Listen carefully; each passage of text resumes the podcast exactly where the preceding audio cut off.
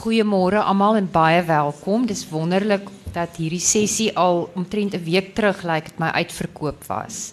Baie bly om julle almal hier te sien. Ek is Erika Oosthuizen van NB Uitgewers en voor ons begin net gou vinnig kyk daar op die bord. Ons het allerlei kompetisies op NB se webblad. Jy kan papierpop speel en pryse wen. En ook ons Twitter feed volg en allerlei goeders doen. Soos wat dit daar staan. Ek weet nie of wel self hoe dit werk. Dit is met groot vreugde dat ek vir julle voorstel vanoggend aan professor Sam Pieter Blanche. Hy sê hy's nie 'n ekonoom nie, hy is 'n politieke ekonoom of 'n ekonomiese historikus. Maar eintlik meer 'n politieke ekonoom. Um, vanoggend sommer twee keer in die burger is daar 'n groot onderhoud met hom en verwysing na sy gesprek nou die dag oor God en armoede ook hier by die Woordfees. Dit is 'n onderwerp wat wat werklik meer bespreking regverdig as wat dit dikwels kry en ons is baie trots op die boek wat ons pas uitgegee het die verdeelde land hoe die oorgang Suid-Afrika val. Ek hoop julle gaan dit almal koop na die tyd. Hy gaan boeke teken hier buite in die foyer. Hy gaan in gesprek wees met Johan Meiburg van Radio Helderberg. Ons hoor graag wat julle wil sê. Baie dankie. Baie dankie. Ehm um, ek dink ons begin. Ek wil net heel eers gou sê dat hierdie is een van daardie boeke toe ek hom deurgewerk het, was my kop oopgeblaas en ek dink dat elkeen van ons moet so 'n kopie op jou rak hê. Is regtig besonder. En ook om te verstaan wat professor uh, Sampie regtig vir ons probeer sê hier. Ek dink die belangrikste prof is om regtig te begin by die begin en te sê 1652 tot 1994 as dit kom by ekonomie in Suid-Afrika. Verduidelik vir ons daardie hele konsep en veral soos u dit raak gevat het hier in verdeelde land. Hoe het dit gekom dat ons op 'n situasie beland het waar ons een van die lande met die grootste gaping tussen ryk en arm ter wêreld is? Uh, dankie aan Erika vir die voorstelling en dankie. Baie dankie dat uh, julle hierdie geleentheid geskep het dat kan gesels. Ehm um, die tydperk 1652 tot 1994 is die blanke tydperk. Uh vir 150 jaar het Suid-Afrika onder die bevel van die VOC gestaan wat ons baie erg verwaarloos het. Toe het ons uh uh 150 jaar gehad wat die Britte die patroon in Suid-Afrika bepaal het. Hulle het ook hulle het ons ook Suid-Afrika maar afgeskeep totdat goud ontdek is in 1886 en toe het ons vir hulle verskriklik belangrik geword. En van 1948 tot 1994 is uh, Suid-Afrika deur die Afrikaners regeer op maniere waaroor ons nie altyd trots kan wees nie. Wat die VOC betref, was dit een van die grootste maatskappye wat ooit bestaan het. Ehm um, dit word beweer dat die VSO VOC Ford en uh uh ag uh, die maatskappy van uh is die drie grootste maatskappye. Uh ek sien nou vergeet. Nou uh, uh Kindelberger ekonom uh sê die VOC was die mees korrupte maatskappy wat daar ooit betaal, wat daar ooit bestaan het die amptenare is baie min betaal en die, verstandhouding was hulle kan maar sakkies speserye insmokkel Holland toe solank hulle net die 11de gebod, gebod oor uh, eerbiedig en hulle nie uitgevang word nie. Nou die uh, toe goud ontdek het is in 1886 was Brittanje in 'n groot ekonomiese toestand. Brittanje, die groot magtige ryk se daling het in die vroeë 70er jare uh, begin en hy het die groot nok gevat met die Eerste Wêreldoorlog. Maar teen die 80er jare het hy al 'n ongunstige handelsbalans met Duitsland en Amerika gehad wat reeds 'n suksesvol 'n tweede industriële revolusie ondergaan het uh Londen se posisie as die finansiële middelpunt van die wêreld, die middelpunt van die goudstandaard was onder onder druk. Die enigste manier waarop Engeland kop bo water gehou het op daardie stadium was die groot gunstige handelsbalans wat hy met sy kolonie Indië gehad het. En Indië het kon daardie uh groot uh ongunstige balans met Engeland handhaaf want hy op sy beurt het 'n groot uh gunstige balans gehad danksy die opium wat in China in uh, uh ingesmokkel is. Met ander woorde, Indië het op China geteer en Brittanje het op Indië geteer en Duitsland en Amerika het op Engeland geteer. En toe goud in Suid-Afrika ontdek het, het die Engelse dit beskou as 'n gawe van God dat dit hulle sal help om hulle goud en valuta probleme op te los. Groot Amerikaanse en Britse uh, maatskappye het dit begin ontgin. Maar aanvanklik was dit nie maklik nie. Die goud was redelik diep. En daar was twee groepe in Suid-Afrika wat nie hulle samewerking gegee het nie. Paul Creer wat 'n feudale eh, heer was en niks van die eise van kapitalisme verstaan het nie. En die swart mense het ook nie saamgespeel nie. Hulle was nie gewillig om in die goudmyne te werk nie, want dit was heeltemal teen die grein van hulle kultuur. In 1894 het Milner die Glen Grey Act op die wetboek geplaas. Hy het sy belange van Kimberley na Johannesburg geskuif en hy was eerste minister van die Kaap provinsie. In 1894 eh, het hy die Glen Grey wet op die wetboek geplaas. Toe dit wet gedebatteer is, het Rhodes gesê: "As ek na die arbeidsprobleme in Amerika kyk en as ek na die arbeidsprobleme in Europa kyk, dan sê ek baie bly dat ek in Suid-Afrika is." As ons die meerderwaardigheid van die blankes kan handhaaf en die naturelle op hulle plek hou, hulle minderwaardige plek hou, sal ons nooit arbeidsprobleme in Afrika hê nie. Dit was die toppunt van rasisme, van sosiale darwinisme.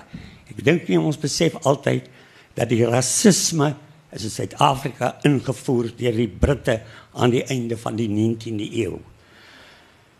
Nou um, omdat hierdie Paul Creer nie wou saamspeel nie, hy wou nie druk op die swartes in die Transvaal plaas om in die myne te werk nie. Uh het Milner en die twee groot imperialiste Milner en uh, uh, uh Rhodes het uh, het uh, Brittanje oortree oorreed om hierdie groot oorlog teen Suid-Afrika te veg. Dit was 'n verskriklike groot oorlog. Brittanje spog soms daarmee dat van 1905 1815 van Waterloo tot met die uitbreek van die Eerste Wêreldoorlog dit 'n tydperk van Britse vrede was.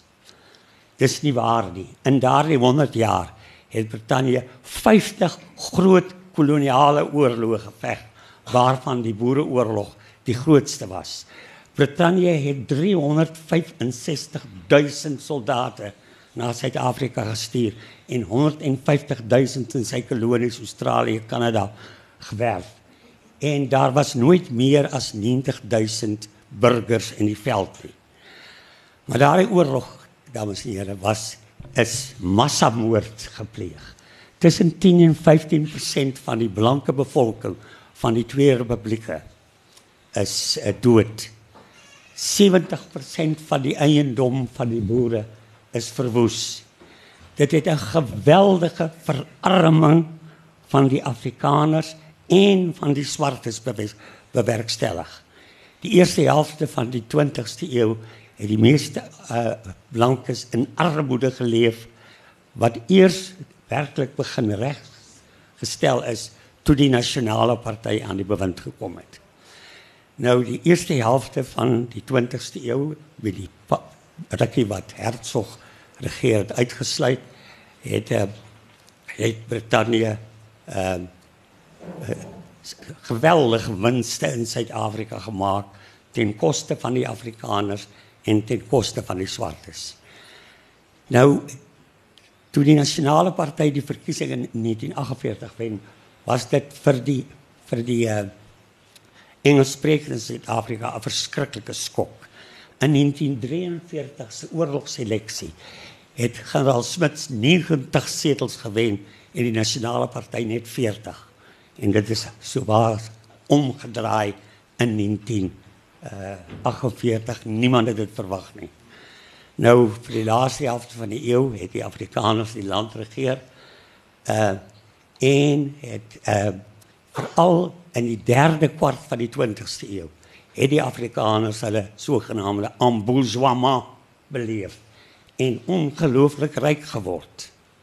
Uh daar was groot bevoordeling soos uh die Engelse regering in die eerste helfte van die eeu, die groot mynmaatskappye en die banke en die banke bevoorreg het, begunstig het, so het die nasionale party die Afrikaner establishment uh bevoordeel en was daar krippe van bevoordiging. Nou dit is tot 1994 uh sou eers op. Die belangrikheid ook van vandag terwyl prof gou 'n slukkie vat daar. Ek dink die belangrikheid van hierdie hele gesprek is regtig dat um, ons sal u is die die die die die derde persoon wat saam met ons praat vandag. As daar iets is wat prof oor sê of praat, is hy baie maak net 'n met die hand dat ek weet daar is 'n vraag want ek dink dat vrae baie belangrik gaan word later in hierdie gesprek.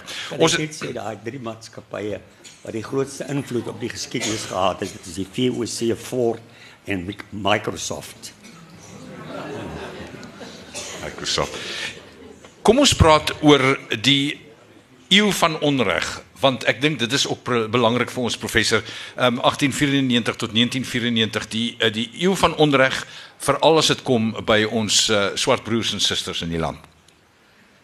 Twee dae voor die Anglo-Boereoorlog uitgebreek het, het Paul Creer hulle 'n boekie gepubliseer met die naam Het eeu van onreg. En blykbaar is daardie boekie geskryf deur generaal Smits. Hy het onder 'n ander naam verskyn.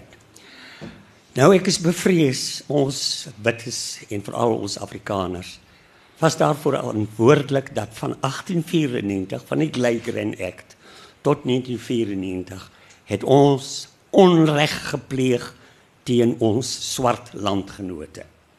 Want in daardie tydperk het daar 'n veelvoud van wette bestaan wat die swartes onderdruk en uitgebuit het. Toe na die Anglo-Boereoorlog het Milner opdrag gekry om weer die myne aan die gang te kry teen loone laer as dit wat Paul Creer voorgestel het. Hy het arbeid sover soos Kenia en Tanganyika probeer werf, maar kon dit nie regkry nie. Toe in 1903 het Milner twee dinge gedoen. Hy het 63000 Chinese kontrakwerkers uh, ingevoer Die liberale regering in Engeland was geweldig daarteen en toe hulle na in 1905 aan die bewind kom, het hulle baie van hulle teruggestuur. Die tweede ding wat Milner gedoen het, was om 'n kommissie aan te stel om te probeer vasstel maar waarom wil die swart mense nie in die myne werk nie. Die SANAC, South African Native Affairs Commission onder voorsitter van uh, kolonel Legden. Die kommissie het in 1905 sy verslag gepubliseer, maar in 1905 het die liberale party in Engeland gewen. Milner is teruggeroep en uh, uh dat daar sien onmiddellik werk gemaak van die verslag nie. Eers nadat uh, uh die Engelse die guns van generaal Botha en generaal Smits uh gewen het toe hulle verantwoordelike regering in uh, 1907 toegestaan het was Herzog en Smits verantwoordelik om die Land Act op die wetboek te plaas. Da, die Legten verslag het gesê die rede waarom die swartes nie in die myne wil werk nie was omdat hulle lui was. En dat dit in hulle eie belang is dat hulle in die myne ingedwing moes word.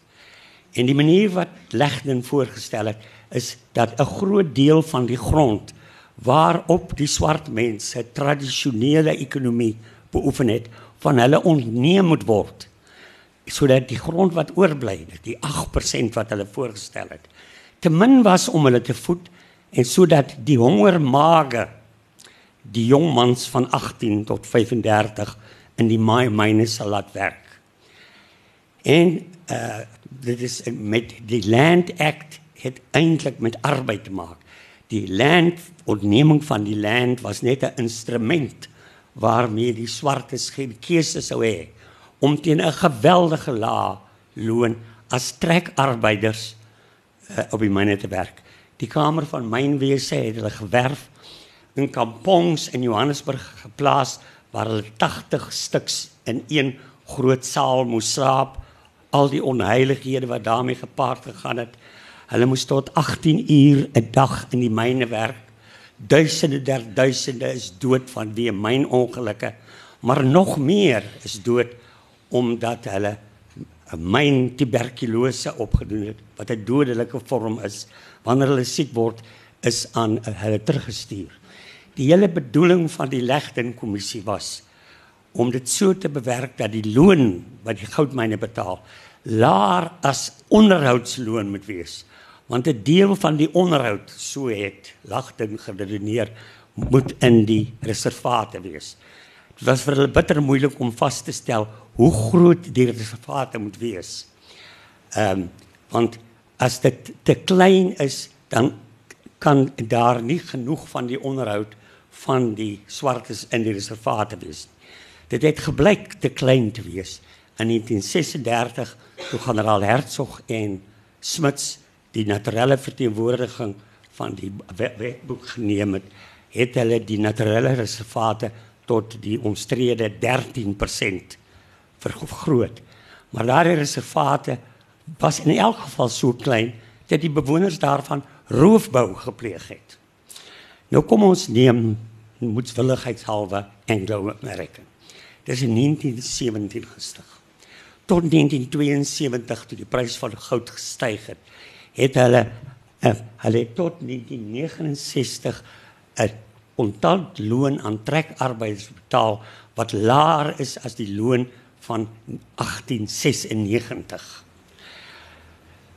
Uh, die die goudpynmaatskappye en sy buitelandse aandeelhouers het reusagtige winste gemaak op die rug van daardie swart uh, trekarbeiders.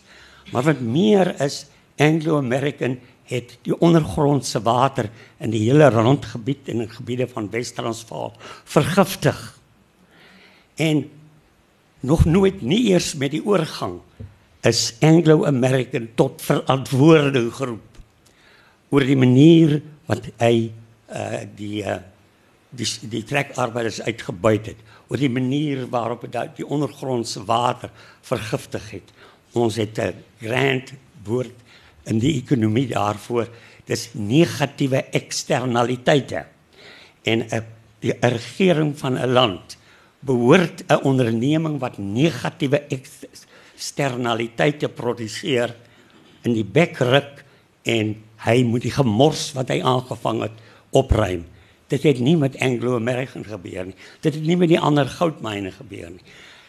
Pas draande swartes kon in diens geneem word deur Afrikaner boere onder andere eh, my pa ook wat in die uh, distrik van Kroonstad geboor het.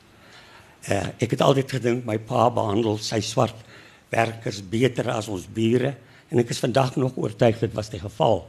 Maar ek besef vandag my pa het daar dieselfde lae loone betaal wat deel was van die SIFT system en in sommige gevalle was dit selfs laer as die loone wat in die goudmyne betaal is.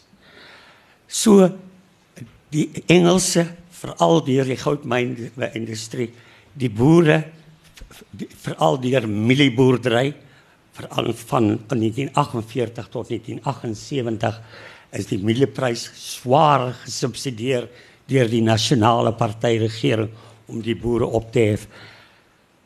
In hierdie 100 jaar van onreg van 1894 tot 1994 het ons wat blankes is, aanvanklik die Engelse, daarna die Afrikaners, het onverdiend ryk geword. Ons het inkomste gekry en ons kon dit uh, akkumuleer tot die ryk mense wat ons vandag is omdat die swartes uh, minder as uh, uh, onderhoudslone betaal is. O ja, en daar's een ding wat ek nie moet vergeet nie. Toe die nasionale party in 1948 aan die bewind kom, was die Afrikaner se aandeel in die ekonomie buite die openbare sektor en buite die landbousektor minder as 10%. Die Afrikaners het nie industrie beskik nie. Dit nie ook nie eintlik winkels nie, ook niks in die goudmyne nie. Alles na 1948 is die Afrikaner ekonomie gebou met groot bevoordeling van owerheidskant. In 1952 het dokter Verwoerd 'n nuwe instromingsbeleid op die uh, wetboek geplaas wat waarop passe ook op swart vrouens van toepassing gemaak is. Uh, daarom die lang die defiance beweging wat vir 3 maande aangehou het. Nou uh daardie wetgewing van Verwoerd is die Afrikaners se Land Act dit het die uh, swartes se bewegingsvryheid geweldig aan bande gelê. Die sogenaamde dompas stelsel dat die swartes altyd by arbeidskantore stempels moet kry wanneer hulle kan werk, waar hulle kan werk ensovoorts. En dit het gelei tot 'n verlaging van die hele loonstruktuur in die 70er en 80er jare. Sowel die Land Act as die dompas stelsel was uitbuitend en onderdrukkend. Daar's baie mense wat onverskillig staan teenoor hierdie groot armoede waar 50% van die bevolking ontvang 8% van die GDP. Die boonste 20% 10 miljoen mense wat so wat 4 miljoen is, blankes, die ander is swartes, ontvang 75% van die inkomste. Die onderste 50% ontvang minder as 8% en die middelste 15% ontvang die oorige 18% van volksinkomste. So hierdie uh mense is dikwels onverskillig oor hierdie armoede waarin die swart mense bly. Ons moet nie verbaas wees daaroor nie. Ehm um, uh Miskien moet ek hier weer stop en vra of ek hierna kan aangaan Absoluut. met met die uh uh die oor oorgang in die Absoluut, dis presies waar ek nou is. Uh ek wil net gou-gou weer eens sê dat uh nog 'n vraag wat by my opgekom het uh, prof nou terwyl u gepraat het is dat ehm um, net voordat ons kom ehm um, voor 19, of na 1994 en wat daar gebeur het want dit het my ook absoluut vreeslik ontstel in die sin van en ek wil regtig vir u sê dat uh, wat prof u nou gaan vertel van wat gebeur het in ons land met na 1994 is is vir my net so erg soos voor. Uh onregverdighede kom in regerings voor. Hoekom het dit ons landjie so erg getref? In en die res van die wêreld lyk dit vir my asof hulle uh weet iets iets daai het gekry het, maar ons het net totaal geval. Uh ja, die die kwessie van sosiale onregverdigheid uh is diep gewortel in Suid-Afrika met die onderhandelings van 1990 91 tot 94 uh, was daar twee stelle onderhandelinge. Die een stel oor die politieke toekoms van Suid-Afrika het uh, by Kempton Park die saal daar plaasgevind in die helle lig van die uh, televisiekameras.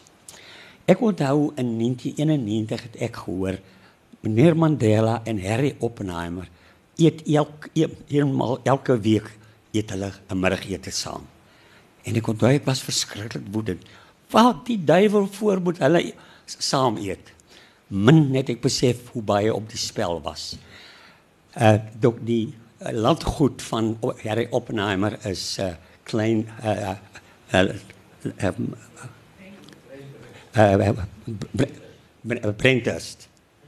Ja, Brenthurst.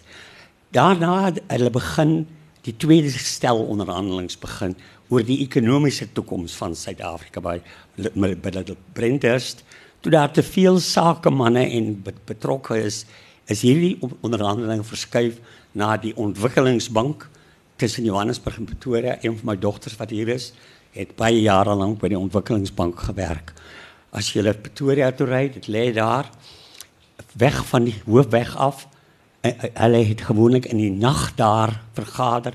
Hulle kon die motors grieflik agter die gebou stuur want dit was eintlik geheime onderhandelings.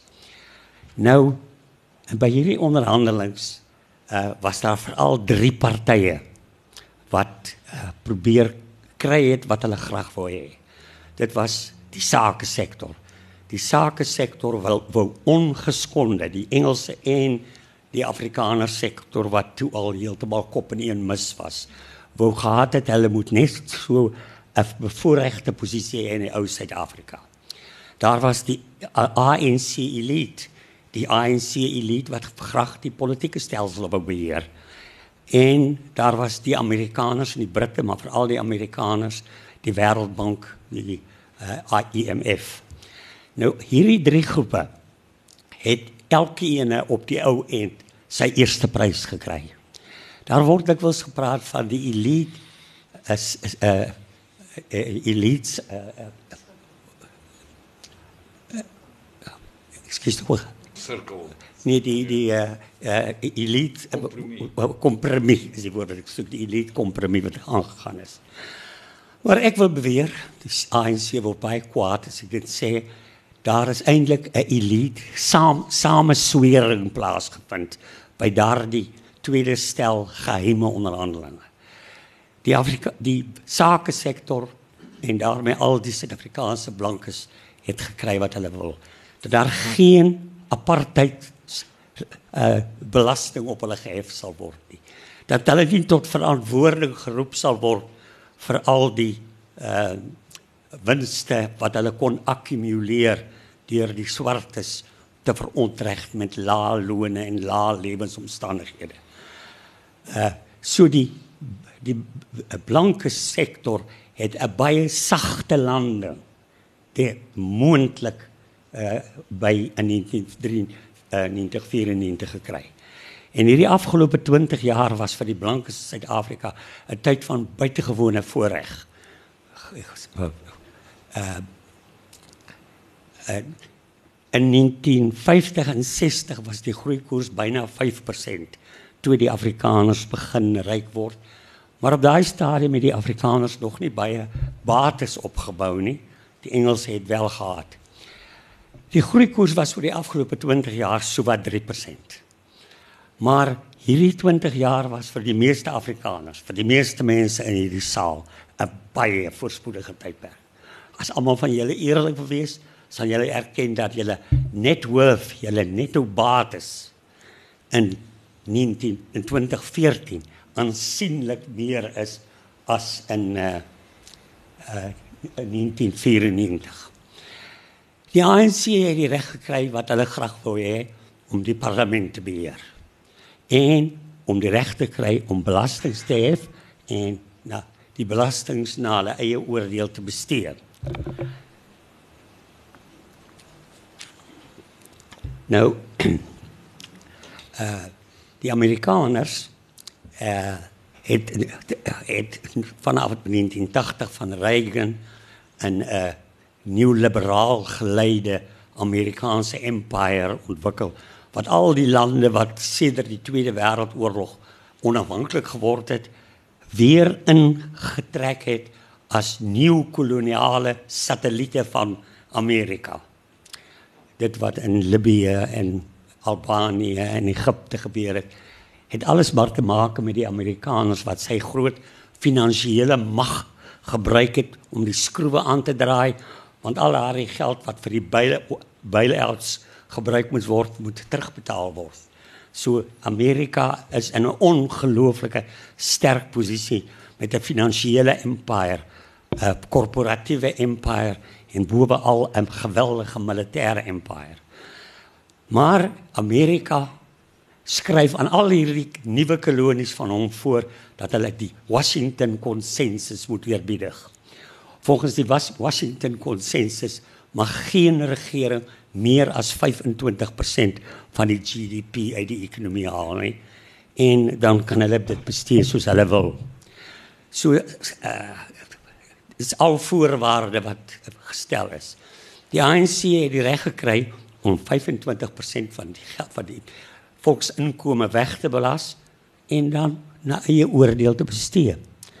En hierdie eie oordeel wat hulle het, het op het 'n ramp gebleik te wees. Hulle het het geen sins die vermoë om so baie geld ordentlik doeltreffend en tot die voordeel van die wat bevoordeel moet word nie.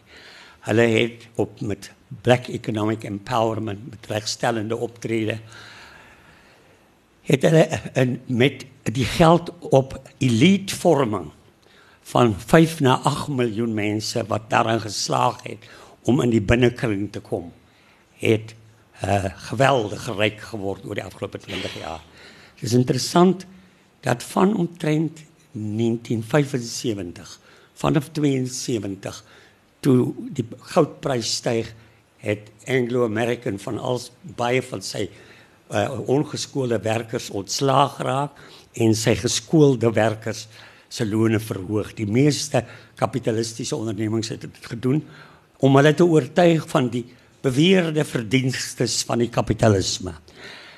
Vanaf uh, vanaf uh, 1974 tot 94 het alle groepe in Suid-Afrika verarm weer tydens die struggle. Maar die boeste 20% van die swartes het ryker geword. Die nasionale party regering het uit uit uit Duitsland leiers ook gepamper lang op allerlei maniere. So daar was 'n 20% wat reeds 'n 'n 'n 'n emerging elite was. Maar met regstellende optrede, black economic empowerment, het hierdie mense die wat 'n voet in die deur kon kry, het geweldig uh, ryk geword. Uh, uh ongemaklik, te vinnig, te ryk, te maklik. Maar die moeilikheid is die res. Terwyl die Afrikaners, soos ek sê, 'n sagte landing in die nuwe Suid-Afrika gekry het, het die onderste 50% van die swart mense 'n baie harde landing in die nuwe Suid-Afrika gekry. En gedurende die afgelope 20 jaar het die ANC regering hulle uiters hardhandig behandel. Ja, daar is die uh toelaas wat vir 15 miljoen mense betaal word. Maar dis nie eintlik die manier om armes op te hef nie. Uh baie van daardie Mutusa is 'n swart vrou wat by die ontwikkelingsbank werk wat 'n merkwaardige boekie 2 jaar gelede geskryf het, Eating from One Pot. Sy het navorsing gedoen by twee plakkerskampe in Noord-Natal. Elke plakkerskamp is daar so wat 25 mense, uitgebreide families bymekaar. Sy sê ja, die geld wat hulle kry, die ou mense en die kinders, sit hulle alles in een pot en is nog 'n aansienlike bedrag. Maar sy sê daar vind 'n ongelooflike bekleierery plaas oor hoe daardie geld verdeel moet word. Volgens haar, die plakkerskampe is alles war zones, veral Manenberg en ander plekke oor naweke. Sy beskryf dat die afsonderlike uh huishoudings in baie gevalle ook oorlogsones is waar hulle mekaar in die oë wil uitkrap om te, van die geld te kry. Die tragies is dogters van 10 jaar oud weet daar is 'n bedrag wat uh, uh, betaal is omdat sy bestaan. Die dogters wil die geld hê want hulle wil seksie klere koop van hulle 10, 11 jaar oud is. So dit die soort armoede waarin mense verkeer. Is iets ek moet sê ek begryp dit ook nie heeltemal nie. En moet my nou nie verbaand ag nie. Ek dink nie ons wit mense verstaan heeltemal wat in hierdie plakkerskampe aangaan nie. Daar is 80 verskillende plakkerskampe in die Kaapse Skiereiland ek weet nie hoeveel keer ek al voor die televisie gesit het dan brand brand die Joe Slovo plakkerskamp in die somer af dan sit ek in die winter voor die televisie dan oorstroom uh, die jou sloue plakkerskamp. Dit is als te erg vir vlees en bloed. So uh die ANC kon baie meer kon nie moes baie meer op die swartes bestee word. Daar's 'n gewone uitdrukking wat mense gebruik. Om te sê die ANC mors die belastingbetalers se geld. Dis nie heeltemal korrek nie. Hulle het in elk geval die reg om 50 25% weg te belas. Maar die hele is wat die belangrike saak is hoe hulle daardie geld gebruik. Wanneer hulle dit op motors van 1.5 miljoen bestee, wanneer hulle op luxe vakansies gaan en wat nie als aanvang nie, dan steel hulle eintlik die geld van die armes. As die ANC ordentlik sy geld bestee het op die boonste uh 8 miljoen mense, dan sou daar 'n heel aansienlike bedrag beskil beskikbaar gewees het om die armoede strukture in hierdie land op te bou. Die swart mense, eers is hulle deur die mynmaatskappye uitgebuit. Vanaf die verwoordste dompas het die opkomende Afrikaners eh, die pas dra vir swartes met lae lone verontreg. En nou word die onderste 50% deur die ANC verontreg. So mense moenie wonder hoekom die mense so arm is. Hoekom hulle in sulke slegte omstandighede leef. Hulle is nie sleg en lui nie. Dis die slegs moontlike strukturele omstandighede wat hierdie soort strukturele armoede uh geskep het waarin die onderste 50% vassit en waar ek nie weet hoe hulle ooit daaruit gelig gaan word nie. In elk geval nie solank die ANC regering regeer nie. Ek dink wat ons kan doen is ons kan dalk eh, die vloer oopstel nou vir enige vrae wat u dalk het. Ek wil net gou vir professor Sampi nog en dit nou nie met ons verdeelde lande doen nie, maar die die val van die Amerikaanse ryk en die Britse ryk en die invloed daarvan op ons ekonomie. Kan u vir ons kortliks so ietsie daarvan sê? Ja, kyk die die, die Amerikaanse ryk is ongelooflik sterk. Miskien moet ek julle vertel. Op die 22ste Junie 1897 was daar 'n eislike party in Londen. Daar was 50 staatshoofde, 60000 troepe het in die strate gemarseer want Queen Victoria was 60 jaar op die troon. As iemand daardie partytjie ingestap het en vir die Britte gesê het geniet julle partytjie. Die ryk gaan tog net 17 jaar hou, sou hulle gesê het mense is heeltemal lotjie getik. Want 17 jaar later het die Eerste Wêreldoorlog uh, uitgebreek en dit was die begin van die einde van die magtige Britse ryk.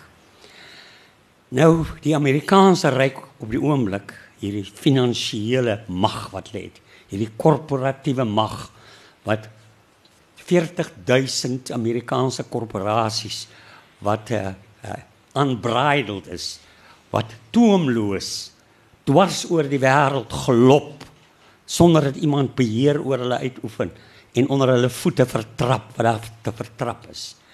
Nou hierdie Amerikaanse empire is 'n allerlei moeilikheid. Uh, Wallerstein en uh uh uh verskeie ander skrywers beweer dat die Amerikaanse empire nie kan bly bestaan nie. Daar is 'n uitdrukking dat empires are not forever. Ek sê nie dat die Britse ryk binne 17 jaar gaan val nie.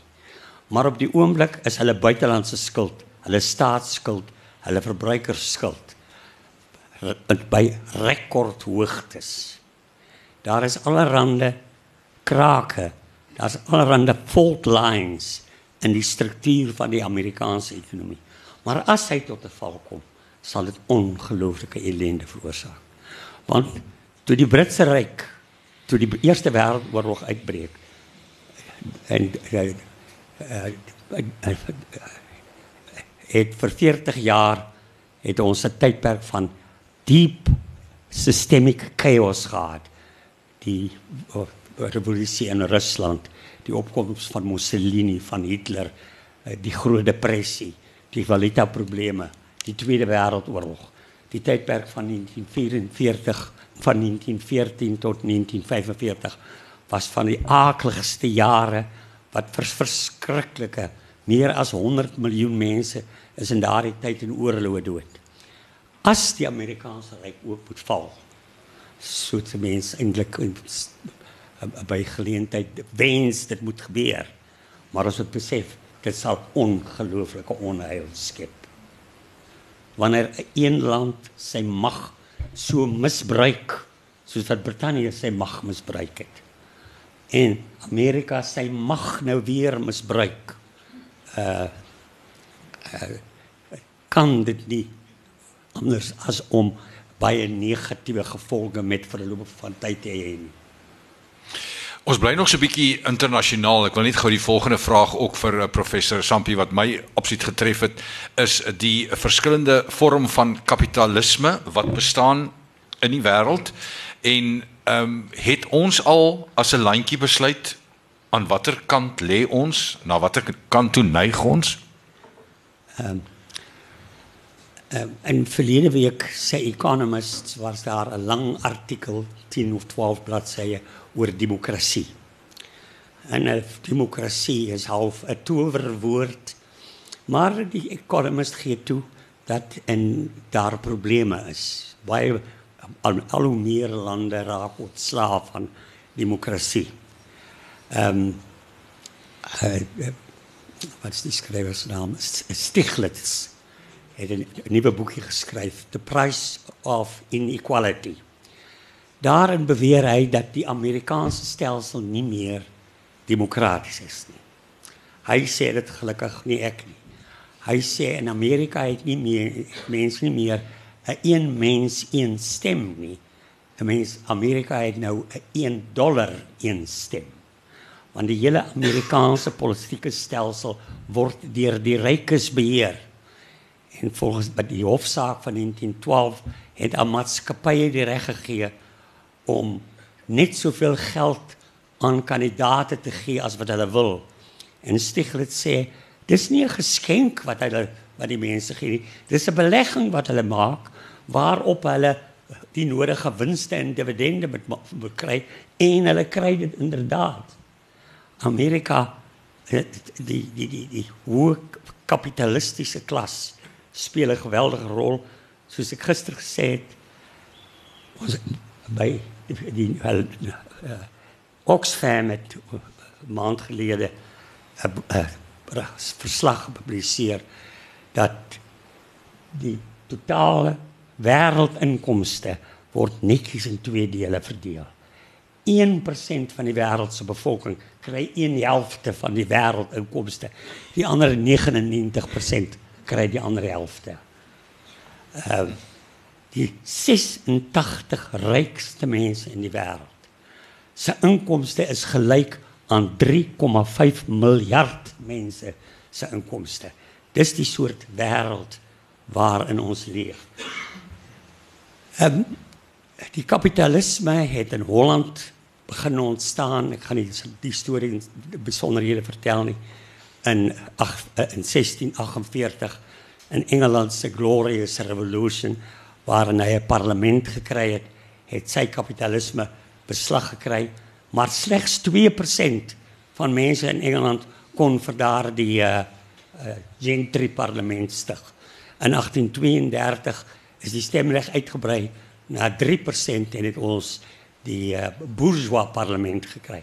Brittanje, soos die meeste westerse lande, het eers van 1918 af demokratiese stelsels gehad. Maar toe is daar groot probleme in die 20er jare, die depressie van die 30er jare. Die demokrasie het eers in die westerse wêreld effektief geword na die Tweede Wêreldoorlog. En toe het al die westerse wêreld onder leiding aanvanklik van Roosevelt maar hy is toe dood onder leiding van Truman. Is daar besluit om 'n uh, 'n uh, uh, stelsel van demokratiese kapitalisme in te voer. Waar want die kapitalisme wat bestaan het, was almal ondemokratiese kapitalismes waar die mag eintlik in die hande van die kapitaaleienaars gesit het. Maar van 1945 tot 1973 het die westerse lande geslaag om 'n stelsel van demokratiese kapitalisme te institusionaliseer. Inkomste het gelyk verdeel geraak. Uh werkvolle in diensneming is bewerkstellig. Dit is die naaste wat nog ons nog ooit uh aan die hemel gekom het of hemel op uh, uh naaste wat ons op aarde aan die hemel geraak het. Die 20 jaar 30 jaar van die goue era van demokratiese kapitalisme. Dit is asof die westerse wêreld tot hulle sinne gekom het. Simpatie ontwikkel het vir daardie soldate wat in die eerste wêreld moes veg en sterf vir die miljoene wat werkloos geraak het in die 30er jare vir die miljoene wat weer in die slagveld was in die 40er jare en onder die skadu van die kommunistiese bedreiging het die westerse lande tot hulle sinne gekom en 'n stelsel van demokratiese kapitalisme ingestel. Maar ongelukkig het veral die groot uitgawes wat Amerika op die Vietnamese oorlog gemaak het, so 'n skuldlas, so 'n belastinglas op die Amerikaners gelê dat hulle weggebreek het. Daar was belastingopstande. En toe vanaf die begin 80er jare het Reagan ook Thatcher se tyd 'n stelsel van nuwe liberale kapitalisme ingestel. Daar's 'n reusagtige verskil tussen 'n sosiaal-demokratiese kapitalisme waar die parlemente inderdaad sê het en die die kapitalistiese monopolie na wens en die bek kon ruk. Maar sedert die begin 80er jare het Reagan teruggekeer na die laissez-faire stelsel van die eind van die 19de eeu. Hierdie idee van markfundamentalisme en dat is daar nie meer een mens een stemstelsel is nie, maar 'n 1 dollar een stemstelsel. Uh, die die geldmag in Amerika is ongelooflik. En ons is so opgewonde toe Obama gekies is. Dit blyk nou dat hy binne daardie stelsel nie veel kan vermag nie. Kan ek begin? Ons het 5 minute oor vir vrae en en veral natuurlik ook waar ons gaan kyk na die toekoms vorentoe in ons verdeelde land. Die meneer, u kan eers te gaan. Dankie. Prof, ek het dan die boek gelees nie wat ek graag sou wil weet is is ons gedoen as gevolg van hierdie ongelykheid in Suid-Afrika? Hoe gaan ons lyk oor 15 en 20 jaar gelede? Wel dis wat jy van wil vra. 2030, ja. Uh hoofstuk 10 in die boek uh het ek die titel gegee 'n realistiese uh siening van 2034. Ja, uh, wat oor nog 20 jaar sal gebeur. En ek dink jy het die regte woord gebruik. Ons is gedoem. Ons is gedoem as die ANC vir nog 5 jaar aan bewind sal bly. Ek praat nie eers as hy aan die bewind sal bly tot 2034 nie. En ek hoef maar net vier redes te gee. In die eerste plek hierdie uiters swak onderwysstelsel van die township schools. Dit is daar word gesê een van my swaars is 'n 'n soort van 'n inspekteur by baie skole in die Kaap gekom dat die meeste van die tyd is die onderwysers net die helfte van die tyd wat hulle in die klaskamers moet wees as hulle daar. Al die onderwysers is kaardraande ANC-lede. Hulle is eintlik voltydse propagandiste vir die ANC-regering. Maar ons resultate in wiskunde en in skynat, as ek met die ou woord kan gebruik, in wêreldterme is van die laagste in die wêreld. Nou ek het vir 54 jaar ekonomie gegee en in die tyd het ek na beraming 10000 lesings gegee. Ek was 'n paar keer siek ja, maar dit het nooit gebeur dat 'n klas van my in in uh dat ek of my plaasvervanger nie daar was nie. Dit gaan my verstand te bowe hoe hierdie swart onderwysstelsel so sleg kan wees soos hy is en ek kan nie sien hoe die ANC regering hom kan omdraai nie. Hoe die nodige dissipline, want die groot probleem lê blykbaar by die prinsipale wat hoegenaamd nie die nodige dissipline kan uitoefen. Dit is die hele die, woord dissipline en die gebrek daaraan is 'n sleutel hier. Die tweede rede waar is die hoë vlakke van gewelddadige misdaad die en die heel mis, misdaad regstelsel die se ratte so stadig draai en dis meer. In Suid-Afrika word daar van elke 100 000 mense elke jaar 31 vermoor. Ek het nou die dag gelees in Mexiko het hulle begin af, afbring 22 mense van elke 100 000 word in Mexiko vermoor. Nie die wêreld gemiddeld is dat 9 uit elke 100 000 vermoor word. Hoe gaan die ANC hierdie uh uh misdaad uh regstelsel omdraai om groter dissipline te bring. Die derde rede is dat die soort ekonomie wat ons het is ons die ons ekonomie in die 19de eeu was maar Engeland se laissez-faire kapitalisme. Nou het dit deel geword van die Amerikaanse nuwe-liberale kapitaliste. Uh weet nie of hier sakemanne is nie, maar die sake sektor reageer asof ons in 'n nuwe Wille Weste is. Daar word nie beheer oor hulle uitgeoefen nie. Die ANC het nie kapasiteit om sy oorsigrol oor die sake sektor te te te, te, te uit te oefen nie. Hulle maak soos hulle wil, soos gebleik het van die maatskappye wat die stadions gebou het vir die 192010 wêreldbeker hoe daar 'n prys sameswering plaasgevind het. Feit is hierdie kapitalistiese stelsel en die ANC is eintlik nie 'n demokratiese regering nie. Was ook maar 'n ondemokratiese kapitalisme. Hierdie stelsel uh is heeltemal disfunksioneel in Suid-Afrika se omstandighede. Wat ons nodig het is 'n baie meer interventionistiese stelsel wat die staat inmeng om toe te sien dat daarvan meer arbeidintensiewe tegnologie gebruik gemaak word ensovoorts ensovoorts. Maar die die ANC regering het alles behalwe die kapasiteit om interventionisties te regeer. In Trevor Manuel wat nou aftree se uh, rapport met baie targets 3 of 400 targets. Ek het die rapport genoem dat hulle almal skuldig aan targetism allerlei targets wat glo teen wat glo teen 2030 eh, verwesenlik sal word. Uh hy hulle skryf daar in 'n paragraaf die owerheid sal die stimulus verleen vir die hoë groeipad wat ons die volgende jare tot 1930.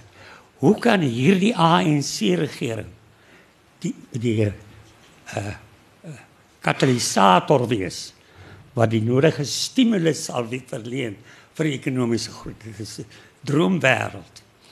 Maar die vierde rede waarom ek pessimisties is.